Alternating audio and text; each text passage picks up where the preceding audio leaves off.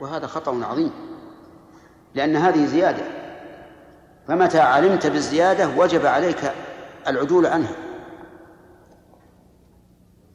أفهمتم؟ لكن ذكر ابن القيم ذكر شيخ الإسلام ابن تيمية رحمه الله في آخر الفتوى الحموية كلاما عجيبا. كلاما عجيبا. مرة ثالثة أعيده. كلاما عجيبا قال يقال إنه ما أفسد الدنيا إلا نصف متكلم ونصف فقيه ونصف طبيب ونصف نحو. شوف الأنصاف شو نعم. يقول نصف المتكلم أفسد العقائد. لأن المتكلم لأن المتكلم الذي بلغ في الكلام غايته عرف فساده ورجع. وكم من متكلمين أئمة في الكلام رجعوا. لكن مشكلة النصف نصف الفقيه يفسد البلدان. كيف يفسد البلدان؟ يعطي مال هذا لهذا ومال هذا لهذا ويحكم على هذا بالقتل وعلى هذا بالرجم. ونصف فقيه. ها؟ يفسد إيش؟ البلدان. ونصف النحو يفسد اللسان. إيش اللسان؟ العربي. لأن نصف النحوي فيتنطع ويرفع المنصوب وينصب المرفوع ويجزم المرفوع. المنصوب والمرفوع جميعا هذا يفسد إيش؟ والرابع نصف طبيب يفسد الأبدان. يفسد الابدان يجيها المريض يقول وش فيك؟ قال في كذا وكذا. يقول أرى أن دواءك في الشيء الفلاني وإذا الشيء الفلاني سم. فإذا تداوى به مات.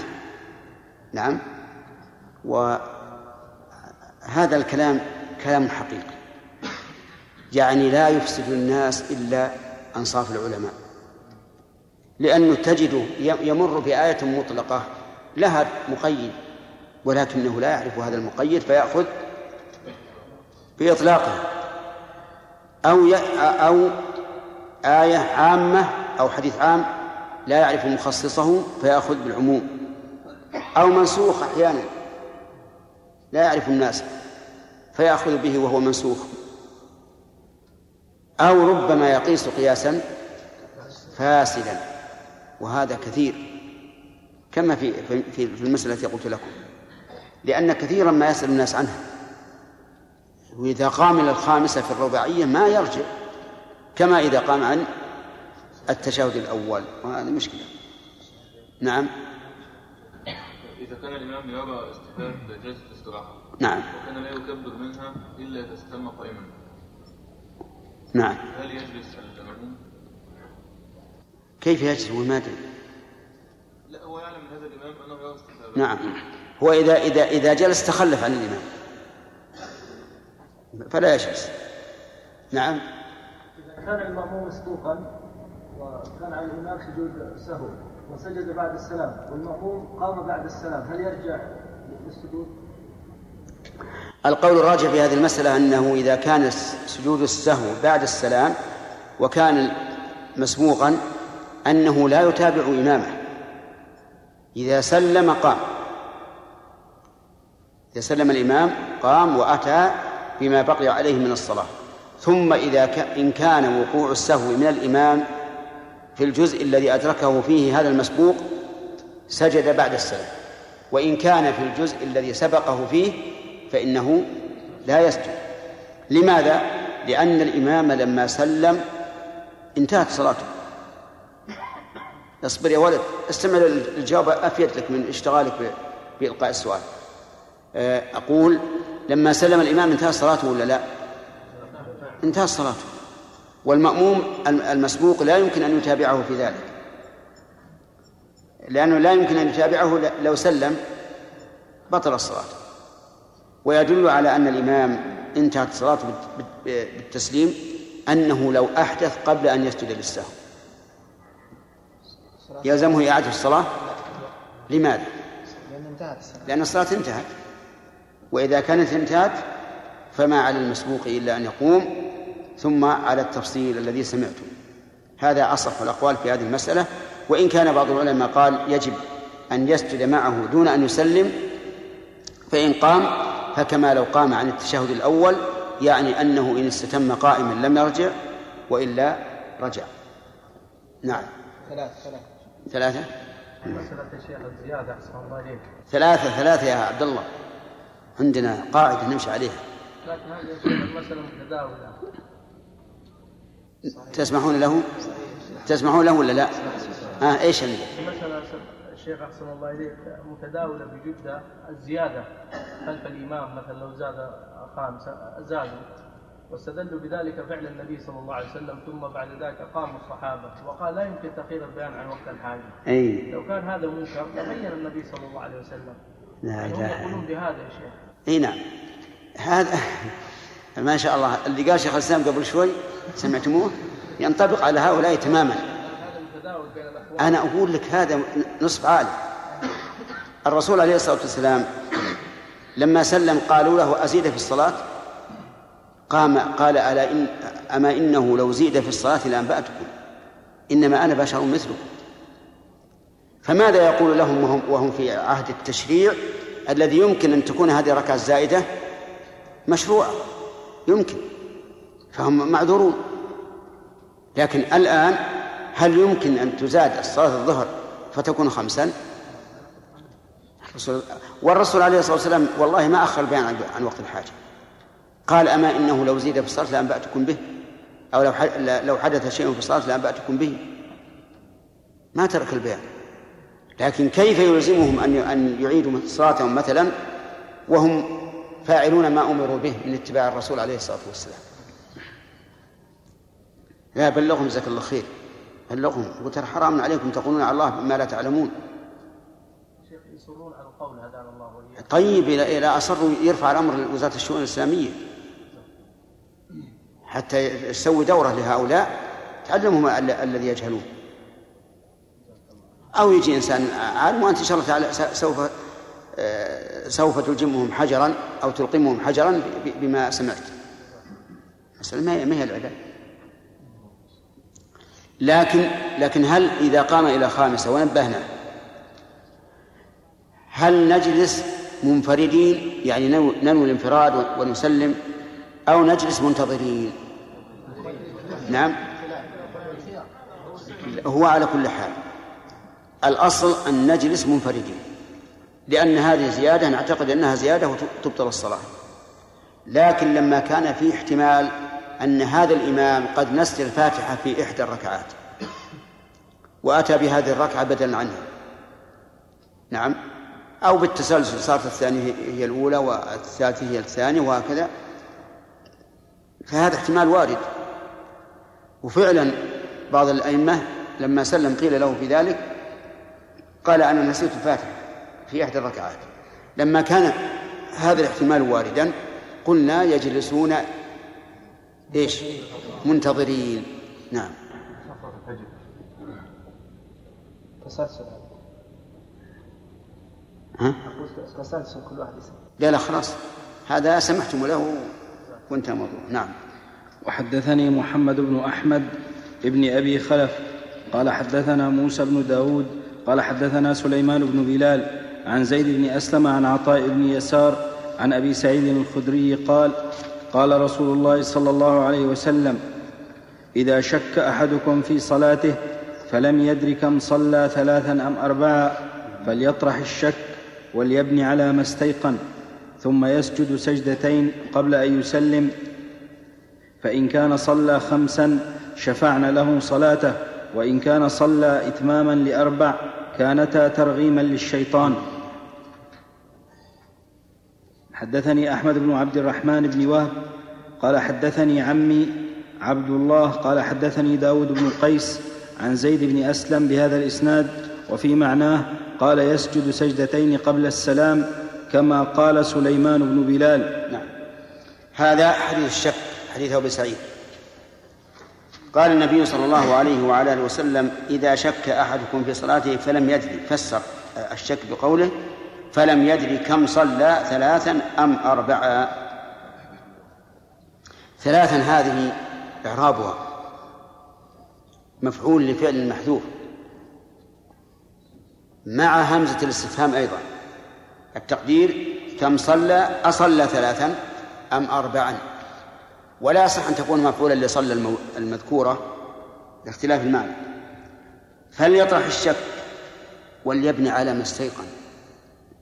وهذا من كمال الشريعة الإسلامية أنها تطرح القلق عن الإنسان. لا تقلق بأي شيء.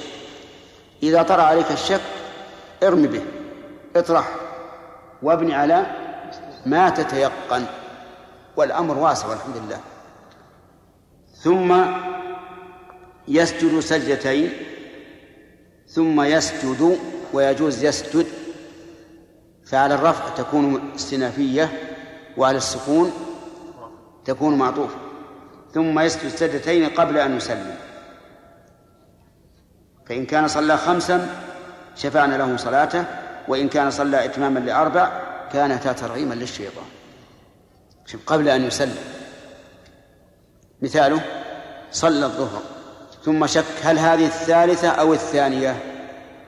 ولم يدري نقول ما هو المتيقن؟ الثانية. اجعلها الثانية. وأتي بركعتين. ثم اسجد قبل أن تسلم. يقول فإن كان صلى خمسا شفعنا له صلاته. هذا في احتمال أنه صلى خمسا؟ في احتمال. في احتمال أنه لما شك هل هما اثنتان أو أو ثلاث أنه أن حقيقة الأمر أنهما أنها ثلاث. وهو جعلها كم؟ جعل اثنتين.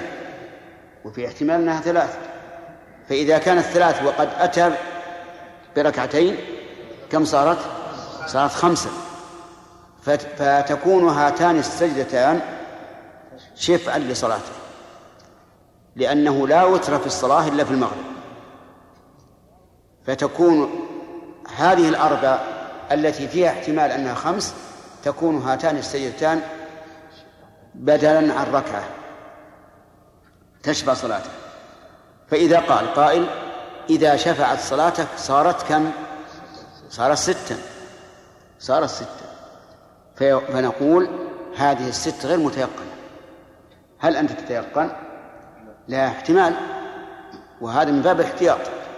شفعنا له صلاته وإن كان صلى إتماما لأربع يعني صار بناؤها اليقين هو اليقين وصارت الصلاة أربعا لا زيادة فيها ففيها فائدة عظيمة. وهي كانتا ترغيما للشيطان. الشيطان يحزن أن نجبر صلاتنا بهاتين السيدتين يحزن ويرغم أنفه. وفي هذا الحديث من الفوائد فوائد كثيرة. أولا أن لا لوم على الإنسان في الشك في صلاته. اللهم إلا أن يكون سببه انغماس الإنسان في الوساوس الاختيارية فهذا قد يلام عليه الإنسان. ومن فوائد هذا الحديث أن هذا الدين الإسلامي يحارب القلق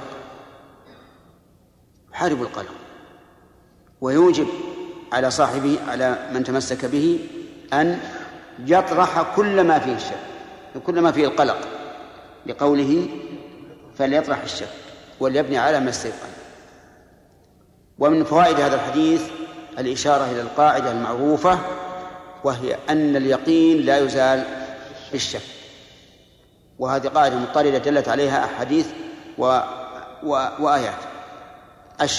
اليقين لا يطرح بالشك أو لا يزول بالشك. ومن فوائد هذا الحديث أنه إذا تردد بين الزيادة والنقص فإنه يحمل على النقص.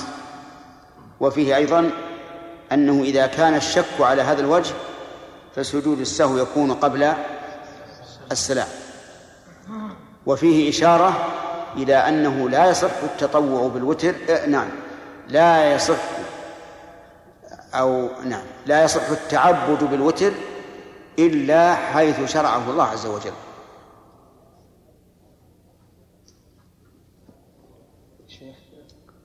اصبر يا جماعة. من أين يؤخذ؟ من قوله إن كان صلى خمسا شفعني صلاته. وينبني على هذه الفائدة أنه لا يصح التطوع بركعة خلافا لمن قال بجواز ذلك من أهل العلم. يعني بعض العلماء يقول لك أن تتطوع بركعة بدل إيش؟ بدل ركعتين. والصحيح خلاف ذلك. وأنه لا يصح أن يتطوع بركعة لأن ركعة إنما تكون في في الوتر. وهذا الدليل كما كما رأيت. ومن فوائد هذا الحديث من فوائد هذا الحديث الإشارة إلى فعل ما يرغم به أنف الشيطان وأعوان الشيطان. لقوله كانتا ترغيما للشيطان وكذلك أعوانه فكل ما يرغم آنافهم فإنه مشروع وفيه أجر. ودليل هذا أيضا قوله تعالى ولا يطعون موطئ يغض الكفار ولا ينالون من عدو ليلا إلا كتب لهم به عمل صالح. فكل شيء ترغم به الكافر فلك فيه أجر.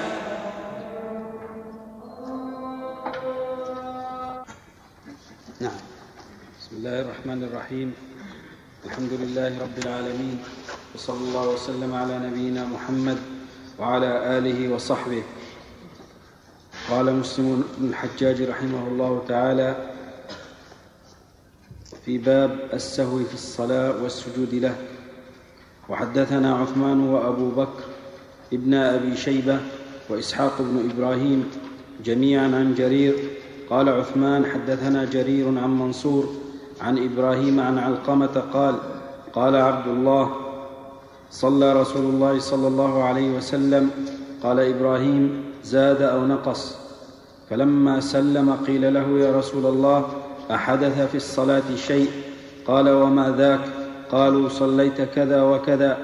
قال فثنى رجليه واستقبل القبلة فسجد سجدتين ثم سلم ثم أقبل علينا بوجهه فقال إنه لو حدث في الصلاة شيء أنبأتكم به. ولكن إنما أنا بشر أنسى كما تنسون فإذا نسيت فذكروني وإذا شك أحدكم في صلاته فليتحرى الصواب فليتم عليه ثم ليسجد سجدتين. هذا الحديث فيه الزيادة السجود عن زيادة. صلى النبي صلى الله عليه وعلى آله وسلم ذات يوم صلاة الظهر خمسا وكان الوقت وقت نزول الوحي. يجوز النسخ بزيادة أو نقص. كما قال ذو اليدين يا رسول الله أنسيت أم قصرت الصلاة؟ وكما قال الصحابة في هذا الحديث يا رسول الله أزيد في الصلاة. فلما قام إلى الخامس تبعوه. فلما سلم سألوه. قال قالوا أحدث شيء في الصلاة؟ وفي رواية قال قالوا هل زيد في الصلاة؟ قال وما ذاك. قالوا صليت خمسا. فقال النبي صلى الله عليه وسلم إنه لو حدث شيء لأنبأتكم به. ثم ثنى رجليه واستقبل القبلة وسجد سجدتين. ففي هذا الحديث فوائد. منها منها جواز السهو على رسول الله صلى الله عليه وعلى آله وسلم. لكن قيده بعض أهل العلم بما إذا لم يكن في مقام التشريع. يعني أن يسهو في أفعاله لا فيما أوحي إليه. وفي هذا نظر. بل قد يكون فيما أوحي إليه لقوله تعالى سنقرئك فلا تنسى إلا ما شاء الله. إنه يعلم الجهر وما يخفى. لكنه عليه الصلاة والسلام لا يقر على هذا النسيان لو وقع منه. بل لا بد أن يتبين الأمر بخلاف غيره فإنه قد ينسى الحكم الشرعي ولا ولا يتفطن له. ومن فوائد هذا الحديث أن الإنسان إذا زاد في صلاته ناسيا لم تبطل. الدليل أن النبي صلى الله عليه وسلم بنى على صلاته ولم يفعل سوى سجدة السهو. ومن فوائده أيضا أن الإنسان إذا زاد في صلاته جاهلا فإنه فإن صلاته لا تبطل. لا سيما إذا بنى على أصل. وجه الدلالة أن الصحابة تابعوه وهم جاهلون. وعلى هذا فلو تابع الإنسان المأموم الآن يعني الآن لو تابع المأموم إمامه وهو يعلم أنها زائدة لكن يظن أنه يجب عليه المتابعة تجب عليه المتابعة يظن أن المتابعة أنه تجب عليه المتابعة فإن صلاته لا تبطل. صحيح. ومن فوائد هذا الحديث جواز النسخ. جواز نسخ الأحكام. أن ينسخ الحكم من شيء إلى آخر. وهذا أمر معلوم بالقرآن والسنة وإجماع الأمة إلا ما ذكر عن أبي مسلم الأصفهاني فإنه قيل إنه يقول إنه لا نسخ في الشريعة لكنه أراد شيئا لا يخالف رأي الجمهور. بل يوجب أن يكون الخلاف بينه وبين الجمهور خلافا لفظيا. لأنه قال إبطال الحكم السابق لا أسميه نسخا ولكن أسميه تخصيصا. تخصيصا في الزمن لأن الحكم الأول شامل لجميع الأزمان. فإذا جاء حكم آخر رفعه خصص ما بقي من الزمن في مدة الحكم الأول. وعلى هذا يكون خلاف بينه وبين الجمهور. خلافا لفظيا لا يغير جوهرا من أين نأخذ من هذا الحديث جواز النسخ من قولهم أحدث شيء. أزيد في الصلاة. ومن فوائد هذا الحديث أن السجود للزيادة يكون بعد السلام. لأن النبي صلى الله عليه وعلى آله وسلم سجد بعد السلام. وعورض هذا الاستدلال بأن النبي صلى الله عليه وعلى آله وسلم لم يعلم بالزيادة إلا بعد أن سلم. فيكون فيكون السجود بعد السلام هنا ضرورة عدم العلم. والجواب عن هذا الاعتراض أن يقال لو كان هذا السجود من أجل أنه لم يعلم بالزيادة إلا بعد السلام لنبه النبي صلى الله عليه وعلى آله وسلم على ذلك وأمر أن يسجد الإنسان إذا زاد في صلاته قبل أن يسلم لأنه عليه الصلاة والسلام يعلم أن الأمة سوف إيه سوف تتابعه وتقتدي به. فلما لم ينبه على ذلك علم أن السجود للزيادة يكون بعد السلام. ثم إن هناك أصلا يشهد له ويؤيده وهو سجود النبي صلى الله عليه وعلى آله وسلم في حديث أبي هريرة في قصة ذي اليدين متى؟ بعد السلام لأنه زاد في الصلاة زاد في الصلاة السلام في أثنائها فيكون هذا أصلا يؤيد ما يدل عليه حديث عبد الله بن مسعود رضي الله عنه. ومن فوائد هذا الحديث أن الإنسان إذا شك في الصلاة فليتحرى الصواب أولا فليتحرى الصواب أولا. فإذا لم يترجح عنده شيء عاد إلى حديث ابن سعيد الذي قبل حديث ابن مسعود كيف يتحرى الصواب؟ يعني يلتمس أيهما أصوب. هل صلى ثلاثا أو أربعا؟ فإذا ترجح عنده أنه صلى ثلاث ثلاثا أتى بالرابعة وسجد بعد السلام. وإذا ترجح عنده أنه صلى أربعا بنى على أنها أربعة. وتشهد وسلم وسجد للسهو واضح؟ طيب. فإذا تردد فقد سبق في حديث عبد أبي سعيد الخدري رضي الله عنه إذا تردد بدون أن يكون عنده ترجيح أنه يسجد يبني على اليقين ويسجد قبل السلام. فإن قال قائل ما الفرق بين الشك الذي فيه التحري والشك الذي ليس فيه تحري؟ لأن السنة فرقت بينهما. قلنا الفرق أن الشك الذي ليس فيه تحري نقص في الصلاة. فكان سجود السهو قبل السلام لجبر هذا النقص قبل الانصراف من الصلاة. لأنه الشاك متردد. حتى إذا أتى إذا بنى على اليقين وأتى بما بقي من صلاته فإنه شاك. وهذا نقص في الصلاة.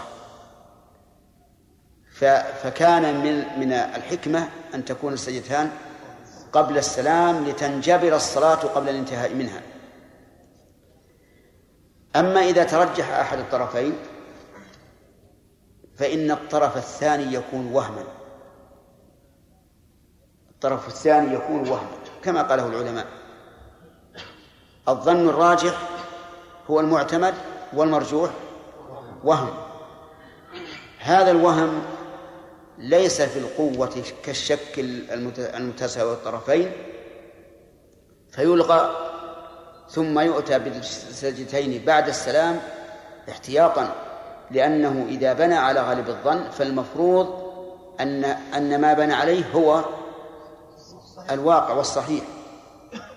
فتكون الصلاة تامة يسلم منها ثم يأتي بالسجدتين آه، لأجل طرح الشك وترغيم الشيطان. فالمناسبة إذن واضحة. وعندنا قاعدة كل شيئين فرق بينهما الشرع فبينهما فرق بلا شك. فرق معنوي أوجب أن يكون بينهما فرق حكمي. لكن من الناس من يوفقه الله عز وجل حتى يهتدي لهذا المعنى الذي أوجب التفريق ومن الناس من تقصر أو من يقصر فهمه عن ذلك ويقول ليس لنا إلا التسليم. التسليم أن نقول إذا شك بدون ترجيح بنى على إيش؟ على اليقين وسجد قبل السلام. وإذا شك مع الترجيح بنى على الراجح وسجد بعد السلام. نعم.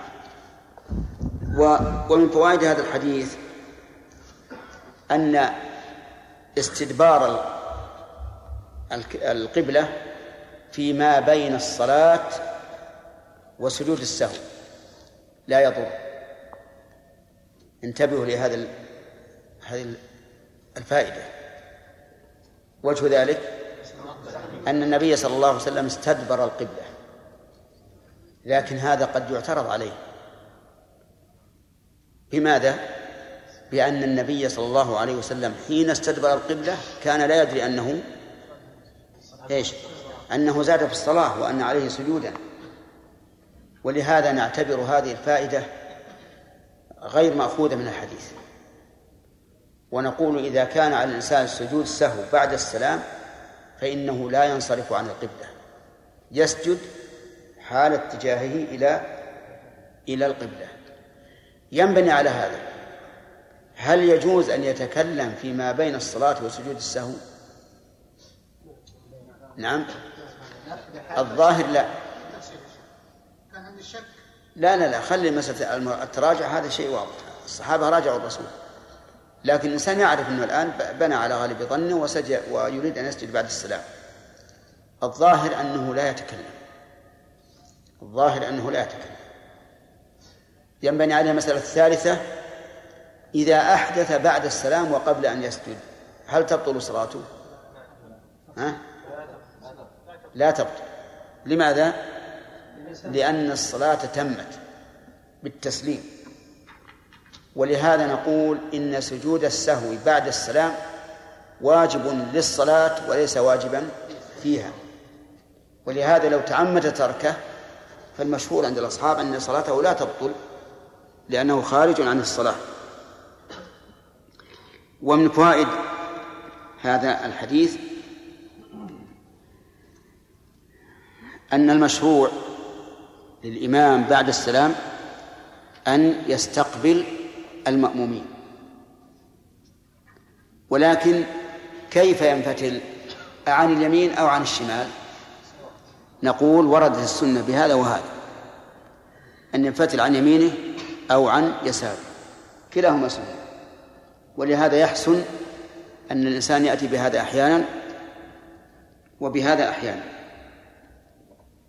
ومن فوائد هذا الحديث أنه ينبغي لمن حدث قوما أن يكون وجهه إليهم لقوله إنه لو حدث في الصلاة شيء إنه لو حدث في الصلاة شيء لا, لا لقوله ثم أقبل علينا بوجهه ثم أقبل علينا بوجهه. ولا شك أن هذا هو المشروع والسنة والأدب. ليس من الأدب أن أن تكلم الرجل وأنت قد صعرت وجهك له. تكلم تكلم واحد عن يسارك وأنت ملتفت إلى اليمين. أو مستقبل اتجاه وجهك. هذا لا لا يليق. من الأدب والسنة والمشروع أنك إذا حدثت شخصا أنك توليه وجهك. ومن فوائد هذا الحديث أن النبي صلى الله عليه وسلم لا يمكن أن يؤخر البيان. بقوله لو حدث في الصلاة شيء أنبأتكم. وهذا هو مقتضى قوله تعالى يا أيها الرسول بلغ ما أنزل إليك من ربك. وقد فعل عليه الصلاة والسلام وبلغ البلاغ المبين. فلا يمكن أن يدع شيئا يحتاج إلى البيان إلا إلا بينه سواء كان بجواب سؤال ورد عليه أو باقتضاء الحال بيان ذلك أو ابتداء فإنه عليه الصلاة والسلام بين كل شيء حتى في الأشياء التي تكون فيها التي يكون فيها لوم عليه يبينها. واقرأوا ما في سورة الأحزاب واقرأوا ما في سورة التحريم واقرأوا ما في سورة التوبة. يتبين لكم أن الرسول عليه الصلاة والسلام لا يمكن أن يكتم شيئا مما أنزل الله. ومن فوائد هذا هذا الحديث تكذيب من ادعى أن رسول الله صلى الله عليه وسلم له حظ من الربوبية. لقوله إنما أنا بشر مثلكم. هو عندي إنما أنا بشر. أنسى كما تنسون. وفيه لفظ آخر أنا بشر مثلكم. مطابقة للقرآن في قوله تعالى قل إنما أنا بشر مثلكم يوحى إلي. فالنبي صلى الله عليه وسلم بشر. تعتريه جميع الآفات البشرية من مرض وجوع وعطش وحر وبرد وخوف واستقرار وغير ذلك. يتميز عن البشر بأنه يوحى إليه.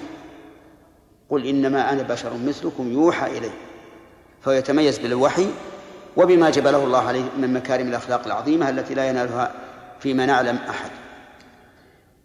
ومن فوائد هذا الحديث تواضع النبي صلى الله عليه وسلم التواضع الجم حيث قال إنما أنا بشر مثلكم أنسى كما تنسون. ومن فوائد هذا الحديث وجوب تذكير الناس. فإن كان مشاركا لك في العبادة فلا شك في الوجوب فيما يجب التذكير به. وإن كان غير مشارك فهل يجب التذكير أو لا يجب؟ الظاهر الوجوب فيما يجب فيما لا يسقط بالنسيان لأن ذلك من باب النصح. إذا نسى الإمام شيئا يجب التذكير به وجب على المأموم أن يذكر. وبأي شيء يذكر؟ بالتسبيح أو بالفتح عليه إذا كان في قراءة أو ما أشبه ذلك. إذا كان غير مشارك فالظاهر وجوب التذكير فيما لا يسقط بالنسيان. إيه، مثلا رأيت رجلا صائما يأكل تعلم أنه ناسي هل يجب عليك أن تذكره؟ نعم يجب أن تذكره. لأن هذا لأن الكف عن الأكل واجب. والمؤمن للمؤمن كالبنيان يشد بعضه بعضا. أما قول بعض العامة لا تحسده لا تقطع رزقه ما دام الله أطعمه وسقاه خلوا يشبع ويروى. فهذا خطأ. وذكر. ومن فوائد هذا الحديث ما أشرنا إليه سابقا بأن الإنسان مع الشك إذا كان يمكنه أن يتحرى فإنه يتحرى. وهذه وهذا ينبغي أن يكون قاعدة في كل ما شك فيه الإنسان وأمكنه التحري فيه فإنه يتحرى. فلو تح... فلو شك في طهارة ماء أو نجاسته هذا يبني على الأصل واضح لكن لو شك في إناءين أحدهما طاهر والثاني نجس. فهنا إيش؟ يتحرى. فإذا غلب على ظنه أن الطاهر هو الإناء الأيمن أخذ به. وإن وإن غلب على ظنه أن الطاهر هو الإناء الأيسر أخذ به وهذا يمكن أن يقال أن يكون مأخوذا من قوله فليتحرى الصواب. ومن فوائد هذا الحديث وجوب كون السجدتين في هذه الحال بعد السلام. لقوله فليتم عليه ثم ليسجد وثم للترتيب. وإلى هذا ذهب شيخ الإسلام ابن تيمية رحمه الله وقال ما كان من سجود السهو مشروعا بعد السلام فإنه بعده وجوبا وما كان مشروعا قبله فإنه قبله وجوبا. لكن المشهور من المذهب أنه على سبيل الندب وليس على سبيل الوجوب. وحملوا الأمر في قوله ثم ليسجد سجدتين على أن الأمر بأصل السجدتين وليس بوصفهما. والله أعلم. نعم. الراجح لولا المشقة كلام شيخ الإسلام. أرجح وأقرب الصواب. وبه نعرف أنه يجب على الأئمة أن يدرسوا. على الأئمة وغيرهم لكن يتأكد في حق الأئمة أكثر أن يدرسوا سجود السهو درسا تاما حتى يعرفوا ما كان قبل السلام وما كان بعده. الله أكبر الله أكبر. نقرأ. بسم الله الرحمن الرحيم. الحمد لله رب العالمين وصلى الله وسلم على نبينا محمد وعلى آله وصحبه. وين؟ قال ليش ما حركه؟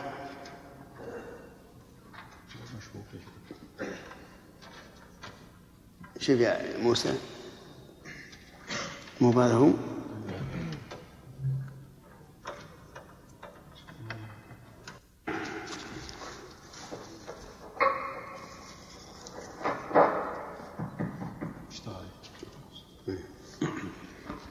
قال مسلم بن الحجاج رحمه الله تعالى في باب السهو في الصلاة والسجود له. حدثناه أبو كريب قال حدثنا ابن بشر حاء قال وحدثني محمد بن حاتم قال حدثنا وكيع وكيع كلاهما عن مسعر عن منصور بهذا الإسناد. وفي رواية ابن بشر فلينظر أحرى ذلك للصواب. وفي رواية وكيع فليتحرى الصواب. وحدثناه عبد الله ابن عبد الرحمن الدارمي قال أخبرنا يحيى بن حسان قال حدثنا وهيب بن خالد قال حدثنا منصور بهذا الإسناد وقال منصور فلينظر أحرى ذلك للصواب. حدثناه اسحاق بن إبراهيم قال أخبرنا عبيد بن سعيد الأموي قال حدثنا سفيان عن منصور بهذا الإسناد وقال فليتحرى الصواب. حدثناه محمد بن المثنى قال حدثنا محمد بن جعفر قال حدثنا شعبة عن منصور بهذا الإسناد وقال فليتحرى أقرب ذلك إلى الصواب. وحدثناه يحيى بن يحيى قال أخبرنا فضيل بن عياض عن منصور بهذا الإسناد وقال فليتحرى الذي يرى أنه الصواب. وحدثناه ابن أبي عمر قال حدثنا عبد العزيز بن عبد الصمد عن منصور بإسناد هؤلاء وقال فليتحرى الصواب. كل هذه ألفاظ متقاربة ومعناها واحد. أن يعمل بغالب بغالب ظنه. ويؤخذ من هذا الاختلاف اللفظي ما هو القول الراجح في أنه يجوز نقل الحديث بالمعنى.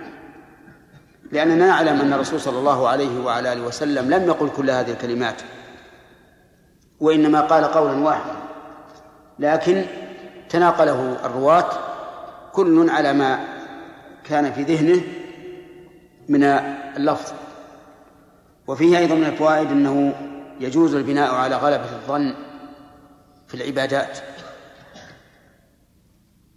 لقوله فليتحرى الصواب أو فليتحرى الذي يرى أنه الصواب. نعم. حدثنا عبيد الله بن معاذ العنبري قال حدثنا أبي قال حدثنا شعبة عن الحكم عن إبراهيم عن علقمة عن عبد الله أن النبي صلى الله عليه وسلم صلى الظهر خمسا فلما سلم قيل له أزيد في الصلاة؟ قال وما ذاك؟ قالوا صليت خمسا فسجد سجدتين. وحدثنا ابن نمير قال حدثنا ابن إدريس عن الحسن بن عبيد الله عن إبراهيم عن علقمة أنه صلى بهم خمسا. حدثنا عثمان بن أبي شيبة واللفظ له قال حدثنا جرير عن الحسن بن عبيد الله عن إبراهيم عن إبراهيم بن سويد قال صلى بنا علقمة الظهر خمسا فلما سلم قال القوم يا أبا شبل قد صليت خمسا. قال كلا ما فعلت. قال كلا ما فعلت. قالوا بلى. قال وكنت في ناحية القوم وأنا غلام. فقلت بلى قد صليت خمسا. قال لي وأنت أيضا يا أعور. تقول ذاك قال قلت نعم. قال فانفتل فسجد سجدتين ثم سلم. ثم قال قال عبد الله صلى بنا رسول الله صلى الله عليه وسلم خمسا فلما انفتل توشوش القوم بينهم فقال ما شأنكم؟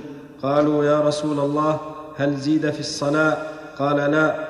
قالوا فإنك قد صليت خمسا فانفتل ثم سجد سجدتين ثم سلم.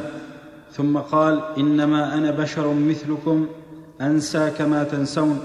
وزاد ابن نمير في حديثه فإذا نسي أحدكم فليسجد سجدتين. هذا ليس فيه زيادة على ما تقدم لكن فيه قول علقمة رحمه الله وأنت أيضا يا أعور. وهذا من باب التنافس بالألقاب.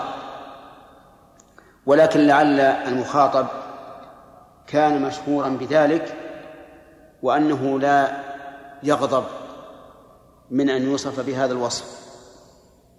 وإذا كان ذلك فإنه لا بأس أن ينادى بما اشتهر به ولو كان وصف عيب. فإن قال قائل لماذا لما حملته على ذلك؟ قلنا هذا هو الذي يليق بمقام علقمة. حيث قال هذا الكلام ولم ينكر عليه أحد. نعم. وحدثنا نعم. بعض بارك الله فيك. قول مسلم وساق السند إلى علقمة. قال عن علقمة أنه صلى بهم خمسا. هل هذا يعني المرسل أم أم أنه محمول على السند الذي قبله؟ لا على السند اللي قبله. لأن لأنه لما وصل إلى علقمة من فعله ثم استدل بما رواه عن عن عبد الله بن مسعود. نعم. وحدثناه عون بن سلام الكوفي قال أخبرنا أبو بكر النهشلي عن عبد الرحمن بن الأسود عن أبيه عن عبد الله قال صلى بنا رسول الله صلى الله عليه وسلم خمسا فقلنا يا رسول الله أزيد في الصلاة قال وما ذاك قالوا صليت خمسا قال إنما أنا بشر مثلكم أذكر كما تذكرون وأنسى كما تنسون ثم سجد سجدتي السهو نعم. وحدثنا من جاب بن نعم. الحارث. شرافي.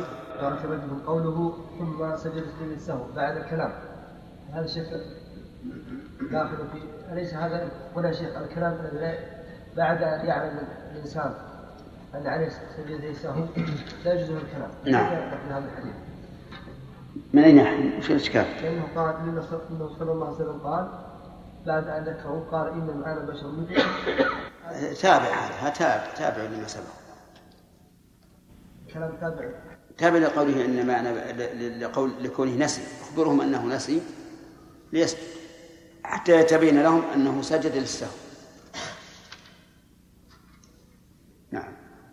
حدثنا من جاب بن الحارث التميمي قال أخبرنا ابن مسهر عن الأعمش عن إبراهيم عن علقمة عن عبد الله قال صلى رسول الله صلى الله عليه وسلم فزاد أو نقص. قال إبراهيم والوهم مني. فقيل يا رسول الله أزيد في الصلاة شيء؟ فقال إنما أنا بشر مثلكم. أنسى كما تنسون. فإذا نسي أحدكم فليسجد سجدتين وهو جالس. ثم تحول رسول الله صلى الله عليه وسلم فسجد سجدتين. وحدثنا أبو بكر ابن أبي شيبة وأبو كريب قال حدثنا أبو معاوية حاء قال وحدثنا ابن نمير قال حدثنا حفص وأبو معاوية عن الأعمش عن إبراهيم عن علقمة عن عبد الله أن النبي صلى الله عليه وسلم سجد سجدتي السهو بعد السلام والكلام.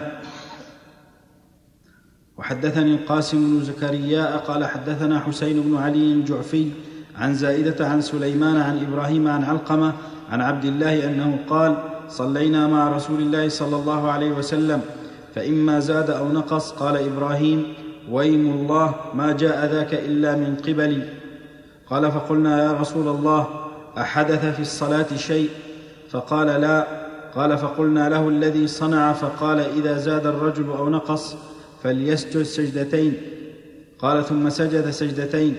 حدثني عمرو الناقد وزهير بن حرب جميعا عن ابن عيينة. قال عمرو حدثنا هذا فيه إذا زاد الرجل أو نقص فليسجد سجدتين ولم يبين قبل السلام أم بعده. فيحمل على هذا المجمل يحمل على المفصل وأن ما كان عن زيادة فهو بعد السلام وما كان عن نقص فهو قبل السلام نعم نعم. ما معنى وأين؟ معناه أقسم بالله. وأين كذلك للقلب نعم وأين كذلك نعم نعم. قوله هنا آه، فقال انما أنا بشر مثلكم انسى كما تنسون إلى أن قال إلى أن قال فاذا نسي فاذا نسي أحدكم فليكن نعم. هنا كلام تكلم بعد عن ذكر نعم. والإنسان إذا سلم من خمسة آه، ثم تكلم متعمدا بعد أن بعد أن تذكر. نعم. هل تبطل صلاته؟ ما تبطل الصلاة الصلاة ما تبطل انتهت. حتى لو أحدث بين سجدة السهو وبين السلام لا لا لا يبطل الصلاة. يسجد بعد الوضوء؟ لا ما يسجد. إذا طال الفصل لا يسجد. توضأ بسرعة. ولو توضأ بسرعة. ظاهر أنه لا يسجد. وإن سجد فهو أحسن. نعم سليم أمره بالسجود كان هو الامر يا شيخ. كيف؟ أمر الرسول صلى الله عليه وسلم بالسجود يقتضي يقتضي الأمر. يقتضي الوجوب. الوجوب. نعم. وهو كذلك. لا بد أن يسجد إذا زاد لا بد أن يسجد حدثني عمرو الناقد وزهير بن حرب جميعا عن- عن ابن عيينة قال عمرو حدثنا سفيان بن عيينة قال حدثنا أيوب قال سمعت محمد بن السيرين يقول سمعت أبا هريرة يقول صلى بنا رسول الله صلى الله عليه وسلم إحدى صلاتي العشي إما الظهر وإما العصر فسلم في ركعتين ثم أتى جذعا في قبلة المسجد فاستند إليها مغضبا. وفي القوم أبو بكر وعمر فهبا أن يتكلما وخرج سرعان الناس وخرج سرعان الناس قصرت الصلاة فقام ذو اليدين فقال يا رسول الله أقصرت الصلاة أم نسيت؟ فنظر النبي صلى الله عليه وسلم يمينا وشمالا فقال ما يقول ذو اليدين؟ قالوا صدق لم تصل إلا ركعتين. فصلى ركعتين وثلم ثم فصلى ركعتين وسلم ثم كبر ثم سجد ثم كبر فرفع ثم كبر وسجد ثم كبر ورفع. قال وأخبرت عن عمران بن حسين أنه قال وسلم. هذا الحديث يعبر عنه العلماء بحديث ذي اليدين. لأنه أي ذا اليدين هو الذي حاور النبي صلى الله عليه وعلى آله وسلم في صلاته. فقد صلى النبي صلى الله عليه وعلى آله وسلم إحدى صلاته العشي والعشي من الزوال إلى الغروب. فيتعين أن تكون إما الظهر وإما العصر لكن سيأتي في بعض الألفاظ أنها العصر يعني التعيين. وعلى هذا فالشك من الراوي. سلم الرسول عليه الصلاة والسلام من ركعتين. وقام إلى خشبة معروضة في المسجد فاستند إليها مغضبا. وسبب هذا الغضب أن نفسه صلى الله عليه وعلى آله وسلم لم تنبسط. لأن لأن عبادته لم تتم. وهذا من لطف الله تعالى بالعبد وللعبد. أنه إذا كان شيء إذا كان قاص قصور في عباداته فإنه يظهر على أثره على نفسيته من غير أن يشعر. ولهذا لما لم تنقض الصلاة انقبض النبي عليه الصلاة والسلام وصار كأنه مغضب. ورسول الله صلى الله عليه وعلى آله وسلم يقوم من مصلاه إلى هذه الخشبة ويستند إليها ويشبك بين أصابعه ويضع خده على ظهر يده ويكون مغضبا. لا شك أن هذا مشهد هيبة مشهد هيبة عظيمة. فسألوا نعم يقول معه أبو بكر وعمر مع القوم أبو بكر وعمر. وهذان الرجلان هما أخص أصحابه به. ومع ذلك هاب أن يكلمه لأن المشهد كما قلت لكم مشهد هيبة وعظمة. هاب أن يكلمه وخرج سرعان الناس. خرجوا والظاهر أنهم يعلمون أنه صلى ركعتين لكن ظنوا أنه أن الصلاة قصرت. خرجوا ولكن كان في القوم رجل يسم يسميه الرسول صلى الله عليه وسلم ذي اليدين لأن يديه طويلتان. وهذا خلقة فإن غالب الناس والحمد لله تكون يداه مناسبة لجسمه. لكن أحيانا تكون اليدان قصيرتين جدا قصيرتين. وأحيانا تكون طويلة. هذا الرجل كانت يداه طويلتين فكان الرسول صلى الله عليه وسلم يدعوه ذا اليدين. فكان منه جرأة أن أن يكلم الرسول عليه الصلاة والسلام لأن النبي صلى الله عليه وعلى آله وسلم كان يمزح معه وينبسط معه. فقال هذا القول العجيب الذي لو فكر فيه أكبر فيلسوف ما استطاع أن يعبر هذا التعبير السريع. حيث قال يا رسول الله قصرت الصلاة أقصرت الصلاة أم نسيت؟ وليس فيه احتمال إلا احتمال لا يمكن أن يقع وهو أن يتعمد السلام قبل أن يتم. وهذا لم يأتي به لأنه مستحيل. فهو إما ناسي وإما أن الحكم نسخ وإما أن يتعمد أن يسلم قبل أن تنتهي الصلاة. هذه القسمة العقلية. لكن الثالث إيش؟ ممتنع. ممتنع شرعا على رسول الله صلى الله عليه وعلى آله وسلم لأنه لا يمكن أن يتعمد السلام قبل التمام. فلم يبقى إلا احتمالان النسيان والنسخ. النسخ هو القصر نسخ من الإتمام إلى إلى القصر يقول ف فقال الرسول عليه الصلاة والسلام كما في الألفاظ الأخرى لم أنسى ولم تقصر لم أنسى ولم تقصر نفي القصر نفي حكم شرعي. يعني أنه نفى النسخ وهذا لا يمكن الخطأ فيه. لأنه لو ثبت النص ما ما ما نفى ونفى أيضا النسيان. فلما نفى النصب وهو قصر الصلاة قال أبو ذو اليدين بلى قد نسيت. بلى قد نسيت. لأن النسيان يرد ونفي القصد مع ثبوته لا يمكن أن يرد. ولكن النبي صلى الله عليه وعلى آله وسلم لما كان. لما كان على غلبة ظن أنه لم ينسى سأل الصحابة لأنه تعارض عنده الآن ما يعتقده في نفسه وإيش وقول ذي اليدين فطلب المرجح فقال فقالوا له بلى قد نسيت فتقدم إلى مكانه عليه الصلاة والسلام وصلى ما بقي من صلاته ثم تكلم فيما بعد نعم. طيب. شيخ بارك الله فيكم هل استناد الرسول صلى الله عليه وسلم إلى هذا الجذع؟ دائما يحدث ولا ما حدث إلا في هذه السنة؟ لا الظاهر ما حصل إلا هذه المرة. نعم. بارك الله فيكم. في رواية في هذه الرواية قال ثم تحول ثم تحول رسول الله صلى الله عليه وسلم يسجد وهذه الرواية تكلم بعد السجود هذه هذه غير الأولى.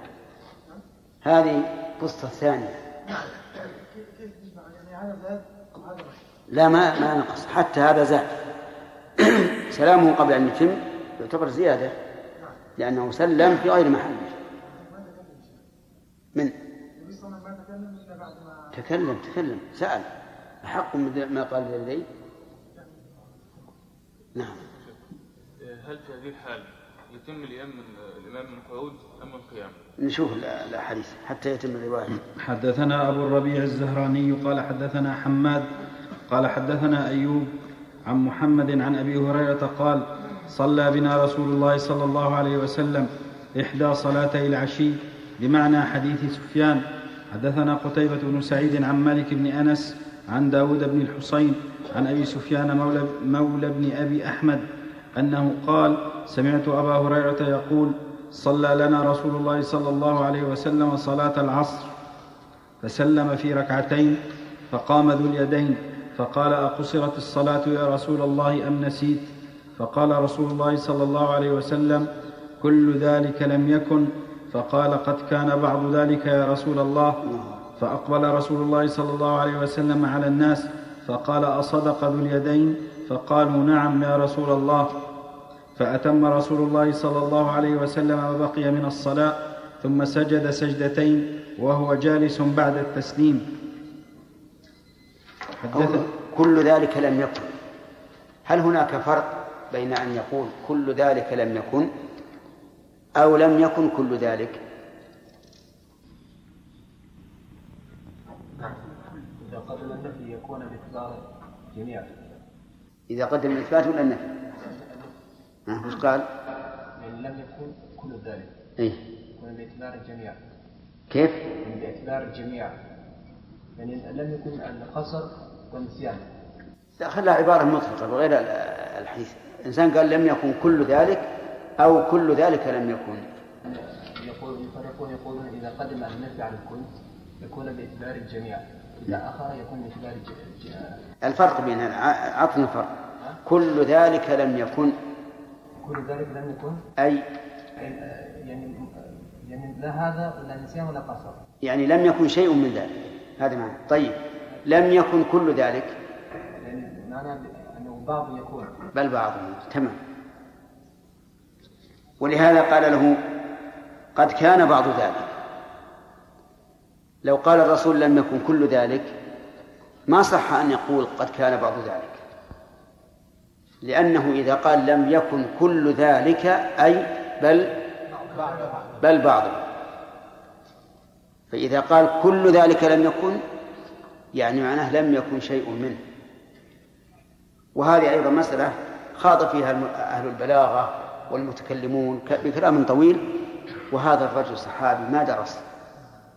نعم. عرف ال- المعنى. لما قال كل ذلك لم يكن قال بل كان بعض ذلك. ولهذا يفرقون بين كل ذلك لم يكن أو لم يكن كل ذلك. طيب. وقوله فصلى ما بقي. ظاهره أنه رجع إلى مكانه.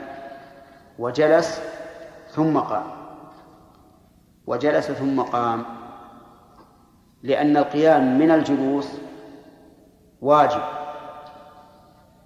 واجب لكن هل هو واجب لغيره أو واجب لذاته؟ الظاهر أنه واجب لذاته لأن قيام الرسول عليه الصلاة والسلام أولا لم يكن قياما للصلاة. بل كان قياما على أنه إيش؟ فرغ منه. فعليه نقول إذا حصل مثل ذلك ارجع إلى مكانك واجلس ثم قم. لأن قيامك الأول ليس للوقوف في الصلاة بل هو للانصراف. لكن ربما يقول بعض العلماء إن هذا القيام مقصود لغيره. المقصود منه أن أن يتوصل إلى الوقوف من القعود. وهذا الذي سلم وقام قد حصل المقصود. فيكون تتميم الصلاة أن يمشي إلى مكانه ثم يتمم. ولكن هنا سؤال آخر. هل يكبر أو لا يكبر.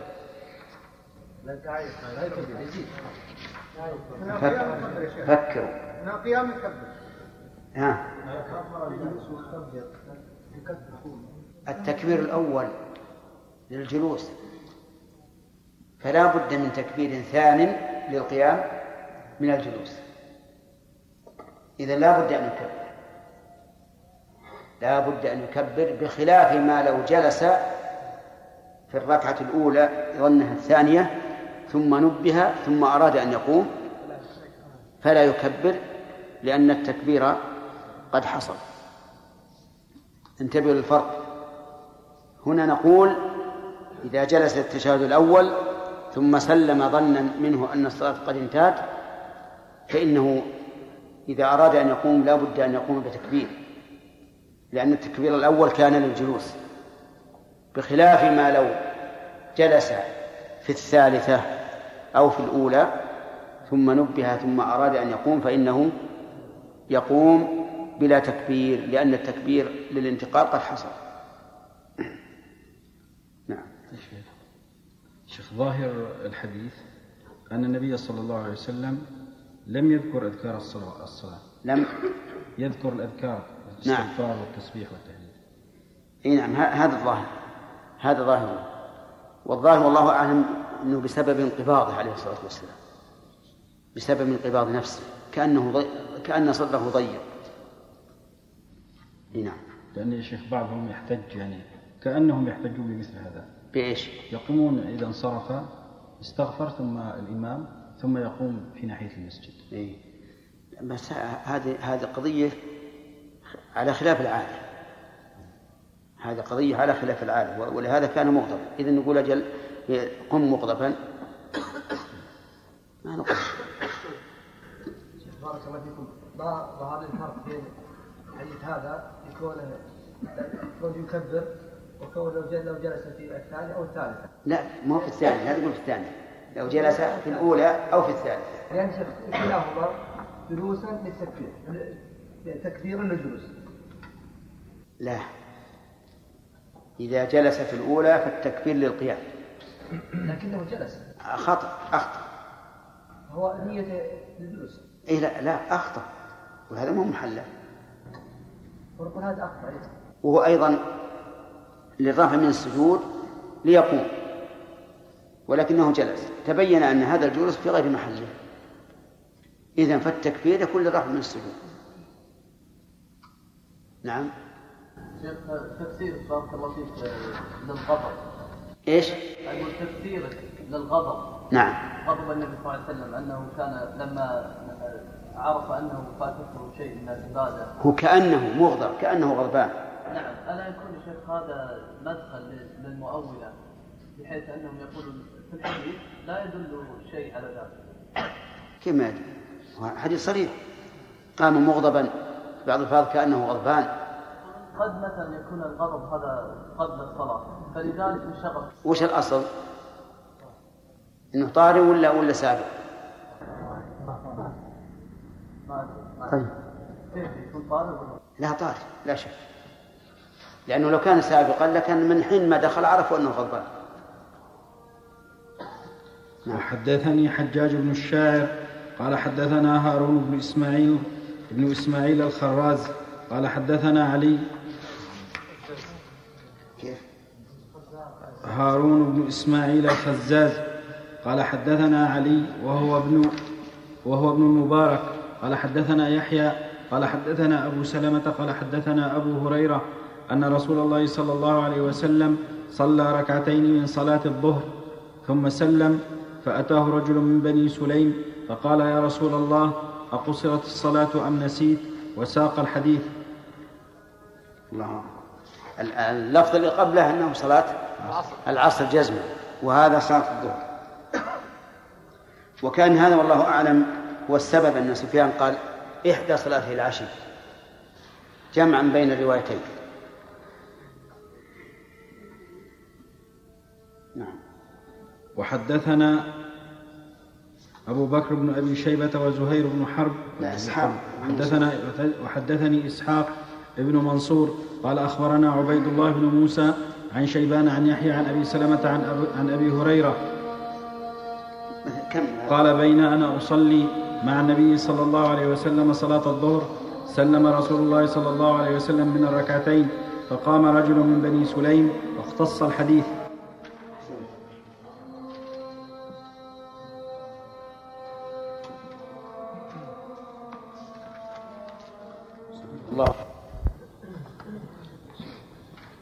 الله الرحمن الرحيم قال مسلم بن الحجاج رحمه الله تعالى في باب السهو في الصلاة والسجود له وحدثنا أبو بكر بن أبي شيبة وزهير بن حرب جميعا عن ابن علية قال زهير حدثنا إسماعيل بن إبراهيم عن خالد عن أبي قلابة عن أبي المهلب عن عمران بن حسين أن رسول الله صلى الله عليه وسلم صلى العصر فسلم في ثلاث ركعات ثم دخل منزله فقام إليه رجل يقال له الخرباق وكان في يديه طول فقال يا رسول الله.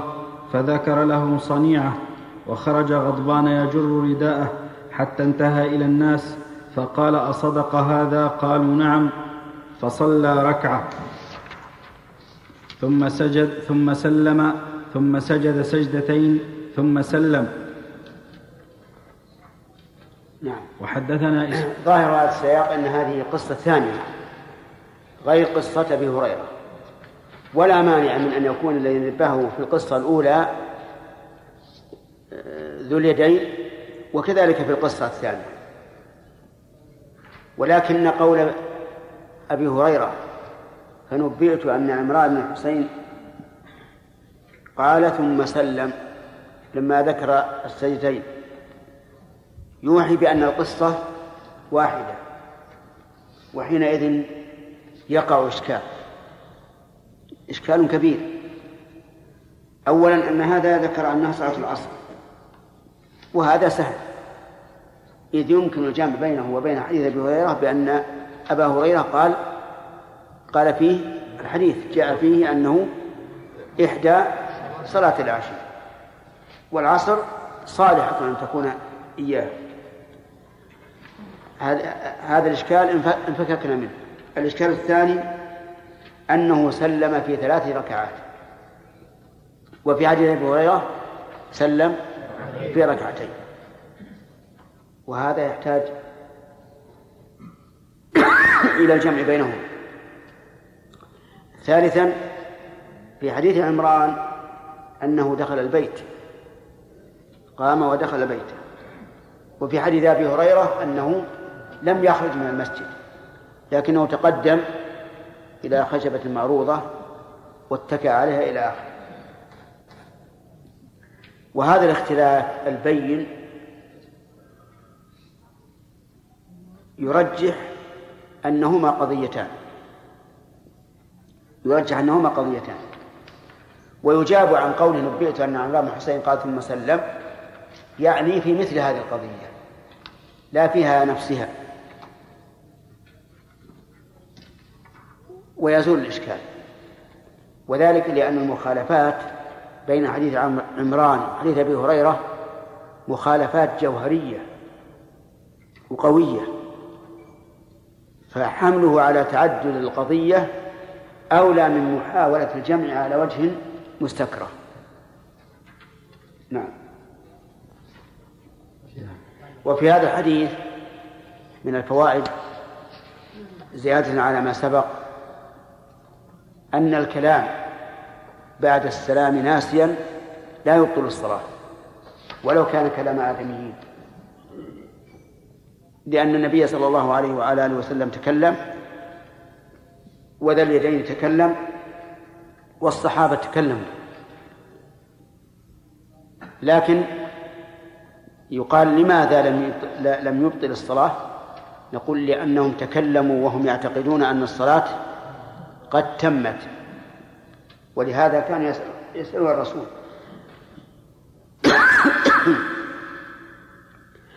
فإن قال قائل إن النبي صلى الله عليه وسلم سألهم أصدق ذو اليدين؟ فقالوا نعم. بعد أن علموا أن الصلاة لم تتم. فالجواب أنه قد ورد في هذا الحديث أن بعضهم أومأ وبعضهم وبعضهم تكلم قال نعم. فأما الذي أومأ فلا إشكال في أنه لا أثر يعني فلا إشكال أن الإيمان لا يبطل الصلاة. وأما الذين تكلموا فتكلموا بناء على أنهم لا يعلمون أن الكلام في مثل هذه الحال يبطل الصلاة. فيعذرون بجهله وفي هذا الحديث من الفوائد أيضا أنه لا يمنع بناء الصلاة بعضها على بعض الخروج من المسجد. لكن هل يشترط أن يكون الرجوع في مدة قصيرة؟ أو إذا لم يذكر إلا بعد مدة طويلة فإنه يبني. جمهور العلماء على أنه لا بد أن يكون تذكره في مدة قصيرة. لاشتراط الموالاة. وأنه لو طال الوقت فلا بد من إيش؟ من استئناف الصلاة. ومن العلماء من قال يبني ولو طال. ولو طالت المدة لكن الاحتياط أن لا يبني إذا طالت المدة. والمرجع في ذلك إلى العرف. نعم. سليم. طبعا في فرق الكلام في موضوع الصلاة في نفس الصلاة ما صحة الصلاة بنفسها وخارج الصلاة في فرق؟ إي نعم.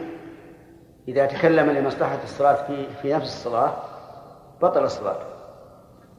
إلا إذا تكلم بما لا يبطلها كما لو تلا آية يفهم الإمام منها. ما حصل؟ فهذا لا بأس به. كلام الرسول والصحابة كلهم صحة الصلاة لكن بعد أن بعد أن سلموا منها لأن الرسول صلى الله عليه وسلم سلم ظانا أنها تمت. ما ما ما ما قنع الرسول يا شيخ أن الرسول صلى الله عليه وسلم فأقرهم على ذلك وهم يسألون الرسول لأن الأمر كله ما صح الصلاة. إيه إلى الآن في مراجعة. في مراجعة ما ليسوا في نفس الصلاة. فلو فرضنا أن الإمام قام من السجدة الأولى إلى إلى الركعة التي تليها وقالوا سبحان الله فلم يفهم. هل هل نقول له إنك لم تسجد السجدة الثانية؟ لا نقول هذا. لكن ربما نشير عليه. يعني نقرأ آية تدل على هذا. مثل اسجد واقترب. كلا لا تطعه واسجد واقترب. نعم. هنا ذكر في هذا الحديثين قال هذا واحد من ذو الشمالين والآخر من ذو اليدين نعم. ذكر هنا بيان. ذكرنا أن يظهر أنها أنهما قضيتان. نعم. وقال يعني قال الزهري حديث ذو اليدين منسوخ لأنه ذكر ذو اليدين مات في البدر. وأبو هريرة آمن بعد كيف يسلم معه ثم أجاب إيه ما يعني هذا. طيب في حديث عمران بن حسين خرج غضبان يجر رداءه. يجر رداءه. هل معناه أنه كان لابسه فيجره؟ أو أنه كان بيده يجره ثم لبسه بعد؟ الظاهر الثاني نعم. الظاهر الثاني لأن الرداء إذا لبس لا ينجر لأنه لا يصل إلى الأرض. أخذنا ثلاثة. نعم. وحدثنا إسحاق بن إبراهيم قال أخبرنا عبد الوهاب الثقفي قال حدثنا خالد وهو الحذاء عن أبي قلابة عن أبي المهلب عن عمران بن الحصين قال سلم رسول الله صلى الله عليه وسلم في ثلاث ركعات من العصر ثم قام فدخل الحجرة فقام رجل بسيط اليدين فقال أقصرت الصلاة يا رسول الله؟ فخرج مغضبا فصلى الركعة التي كان ترك ثم سلم ثم سجد سجدتي السهو ثم سلم. قول بسيط اليدين يعني طويلهما لأن البسط هو التطويل أو الطول كما في القرآن الكريم أن الله تعالى يبسط الرزق لمن يشاء ويقدر يعني يضيق. وما اشتهر عرفا بين الناس اليوم من قولهم هذا بسيط يعني قليلا أو صغيرا أو ما أشبه ذلك فهو غلط على اللغة العربية. لأن البسيط هو الواسع. نعم. حدثني زهير بن حرب وعبيد الله بن سعيد ومحمد بن المثنى كلهم عن يحيى القطان. قال زهير حدثنا يحيى بن سعيد عب... ما ذكرت الترجمة نعم. باب سجود التلاوة. قال مسلم حدثني زهير بن حرب وعبيد الله بن سعيد ومحمد بن المثنى كلهم عن يحيى القطان. قال زهير حدثنا يحيى بن سعيد عن عبيد الله قال أخبرني نافع عن ابن عمر أن النبي صلى الله عليه وسلم كان يقرأ القرآن فيقرأ سورة فيها سجدة فيسجد ونسجد معه حتى ما يجد بعضنا موضعا لمكان جبهته. هذا فيه دليل على مشروعية سجود التلاوة. وسجود التلاوة هو الذي سببه التلاوة. ولكنه ليس مجرد التلاوة يكون س... ليس مجرد التلاوة يكون سببا بل مواضع السجود في القرآن محددة معروفة. في بعضها في بعض الآيات يمر آية يمر ذكر السجدة ولا يشرع فيها السجود.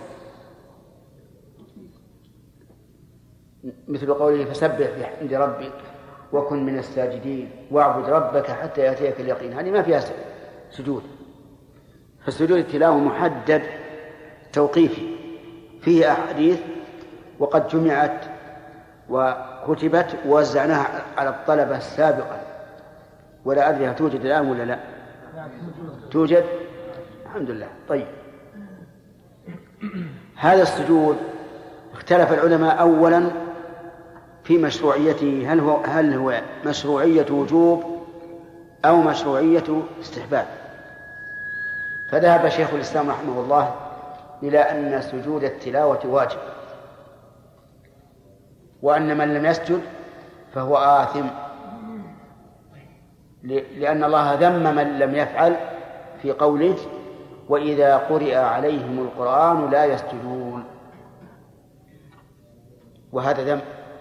فما لهم لا يؤمنون وإذا قرئ عليهم القرآن لا يسجدون. وذهب أكثر العلماء إلى أنها أي سجدة التلاوة مستحبة وهو الصحيح أنها مستحبة. لأنه ثبت أن زيد بن ثابت قرأ على النبي صلى الله عليه وعلى آله وسلم سورة النجم فلم يسجد فيها زيد. ولو كان السجود واجبا ما أقره النبي صلى الله عليه وعلى آله وسلم على ترك السجود. وأما الآية فإما أن يقال فما لهم لا يؤمنون وإذا قرئ عليهم القرآن لا يسجدون لأنهم كفار. حيث قال لا يؤمنون. أو يقال إن المراد بالسجود هنا سجود ما هو أعم من الهيئة المعروفة وأنه سجود التذلل كقوله تعالى ولله يسجد من في السماوات والأرض. وذكر الله تعالى الشمس والقمر والنجوم والجبال وكثير من الناس. وهذا أقرب للصواب أن المراد بقوله لا يسجدون أي لا يتذللون لما جاء في القرآن. المسألة الثانية هل هذا السجود حكمه حكم الصلاة؟ بحيث يشترط له ما يشترط للصلاة من الطهارة والستارة واستقبال القبلة والتسبيح وما أشبه ذلك؟ أو سجود مستقل. ليس له حكم الصلاة. في هذا أيضا خلاف بين العلماء منهم من قال إنه صلاة. وقال لا بد أن يكبر إذا سجد ويسبح ويكبر إذا قام ويسلم. ولكن اختار شيخ الإسلام رحمه الله أنه ليس بصلاة وإنما هو سجود مجرد يقصد به التذلل واستدل لذلك بأن النبي صلى الله عليه وعلى آله وسلم سجد في سورة النجم وسجد, وسجد معه المسلمون ومن؟ والمشركون. والمشرك لا تقبل من الصلاة. وأيضا لم يثبت أن الرسول عليه الصلاة والسلام كان يكبر في هذا السجود ويسلم. وهذا يدل على أنه ليس بصلاة. وما ذهب إليه رحمه الله هو الصحيح. أنه ليس بصلاة. يعني ليس له حكم الصلاة. لكن لا شك أنه لا ينبغي أن يقال أسجد ولو كانت القبلة خلف ظهرك أو يقال أسجد ولو كنت على غير وضوء. فإن الإنسان لا لا يجرؤ أن يقول هذا وإن كان شيخ الإسلام رحمه الله يقول بذلك. لكن الإنسان يتهيب أن يسجد لله وهو قد ولى بيته دبره. أو يسجد لله على غير طهارة. أو على غير استتارة. آه، المسألة الثالثة هل يكبر أو لا يكبر؟ قلنا في معرض سياقنا ذكر الشيخ قول الشيخ الإسلام رحمه الله إنه لا يكبر. لكن قد روى أهل السنن حديثا عن النبي صلى الله عليه وآله وسلم أنه كان يكبر إذا سجد فقط لا إذا رفع ولا يسلم. إذن ليس فيها إلا تكبير السجود يعني الهوي فقط دون الرفع وليس فيها تسليم. إلا إذا كانت السجدة في الصلاة فلا بد من السجود إذا فلا بد من التكبير إذا سجد وإذا رفع. لأن الذين وصفوا صلاة رسول الله صلى الله عليه وعلى آله وسلم ذكروا أنه كان يكبر كلما خفض وكلما رفع. ومن المعلوم أنه عليه الصلاة والسلام يقرأ آية السجدة في الصلاة ويسجد فيها ولم يستثنوا سجود التلاوة. فدل ذلك على أنه لا بد من التكبير عند السجود وعند الرفع إذا كان ذلك في أثناء الصلاة. المسألة الخامسة الرابعة. الرابعة الخامسة. الخامسة. المسألة الخامسة هل يسجد في أوقات النهي؟ الجواب على هذا سهل. إن قلنا إنها ليس لها حكم الصلاة فليسجد. لأن النهي عن الصلاة لا عن ما سواه. وإذا قلنا إنها صلاة ينبني السجود في أوقات النهي على الخلاف في جواز النافلة ذات السبب. فإن قلنا بجواز النافلة ذات السبب جاز أن يسجد وقت النهي. وإذا قلنا لا فإنه لا يجوز أن يسجد. والمذهب عند الحنابلة أنه لا يسجد للتلاوة وقت النهي لأن سجود التلاوة صلاة وصلاة النافلة لا تجوز وقت النهي. ولكن الصحيح أنه يسجد للتلاوة في أي وقت يتلو سواء في أوقات النهي أو في غير أوقات النهي.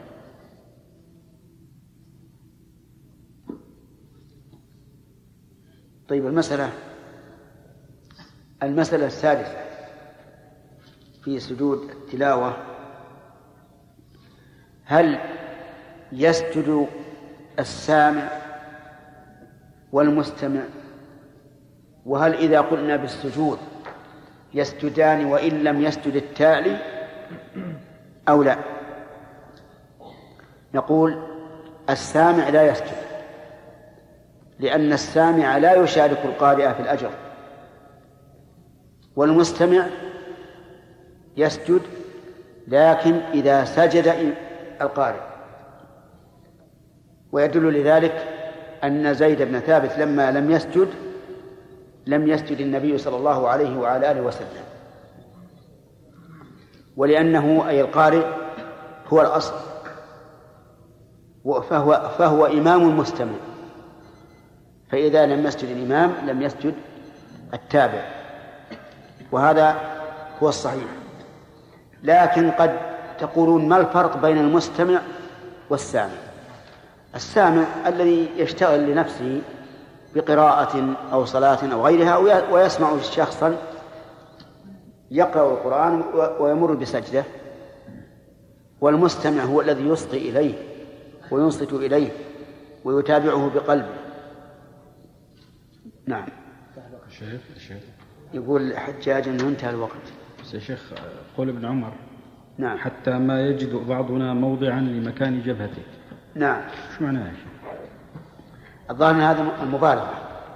يعني مبالغة في كثرتهم وضيق المكان.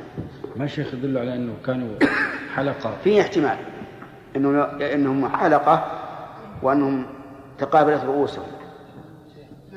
على هذا يا شيخ يدل على يعني جواز هذا يدل على جواز ان أن استقبال القبلة ليس بشرط. لكنه ليس ليس يعني يقينا لا يحتمل سواه وإلا لكان أمر واضح. إذا انتهى الوقت يا أخوان. ها؟ كيف؟ ما طيب ما يخالف بعد بكره اجمعوه إن شاء الله بعد الدرس الثاني.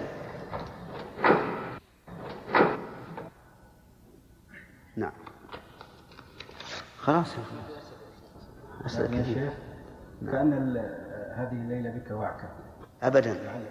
ما في وعكة الحمد لله. بعض الأخوان قالوا لي إي لا ابدا. ايدي بارد وكل جسمي بارد لا. لا بعض بس. الأخوان اقترحوا قال لعلي ارتاح إي الظاهر إن كمال أراد أردت. إياك آني واسمي يا جاره لا يا شيخ غير كمال. بعد؟ لا أنا ما ابدا. إي لكن لكن انت أنت سألت هذا السؤال. والظاهر انك تريدون أنا. لكن ابي اعلمكم أنا فائدة. الإنسان إذا ركن إلى الكسل يكسل. وإذا لأن النفس تنفعل. وإذا استعان بالله وتنشط يمكن يزول ما يحس به. وينساه. ألم يبلغكم قصة المعلم معلم الكتاتيب؟ قال بعضهم بعض الأولاد لبعض اليوم ودنا ودنا ما ندرس اليوم. يمكن جاي المطر ولا شيء بتمشون ما أدري. قال وش الطريق؟ قال إذا دخلت أنت؟ قل يا عم عسى ما شر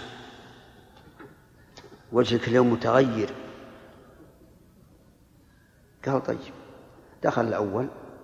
قال يا عم عسى ما شر وجهك والله متغير. قال بس اقعد اقعد ما بلا العافية. دخل الثاني قال عسى ما شر يا عم والله وجهك اليوم متغير. لا تكلف نفسك. قال اقعد. لكنها أقل لهجة من الأولى. كأنه دخله الوسواس.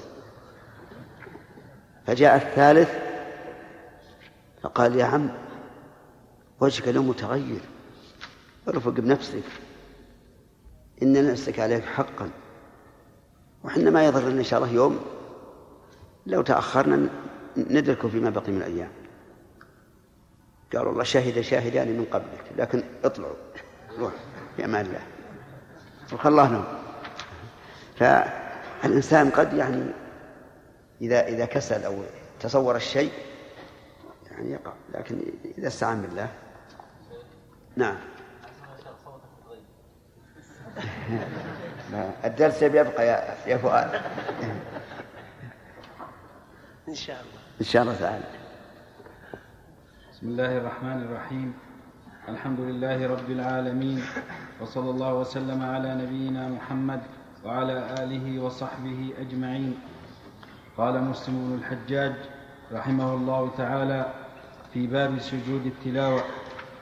حدثنا أبو بكر بن أبي شيبة قال حدثنا محمد بن بشر قال حدثنا عبيد الله بن عمر عن نافع عن ابن عمر قال ربما قرأ رسول الله صلى الله عليه وسلم القرآن فيمر بالسجدة فيسجد فيسجد بنا حتى ازدحمنا عنده حتى ما يجد أحدنا مكانا ليسجد فيه في غير صلاة.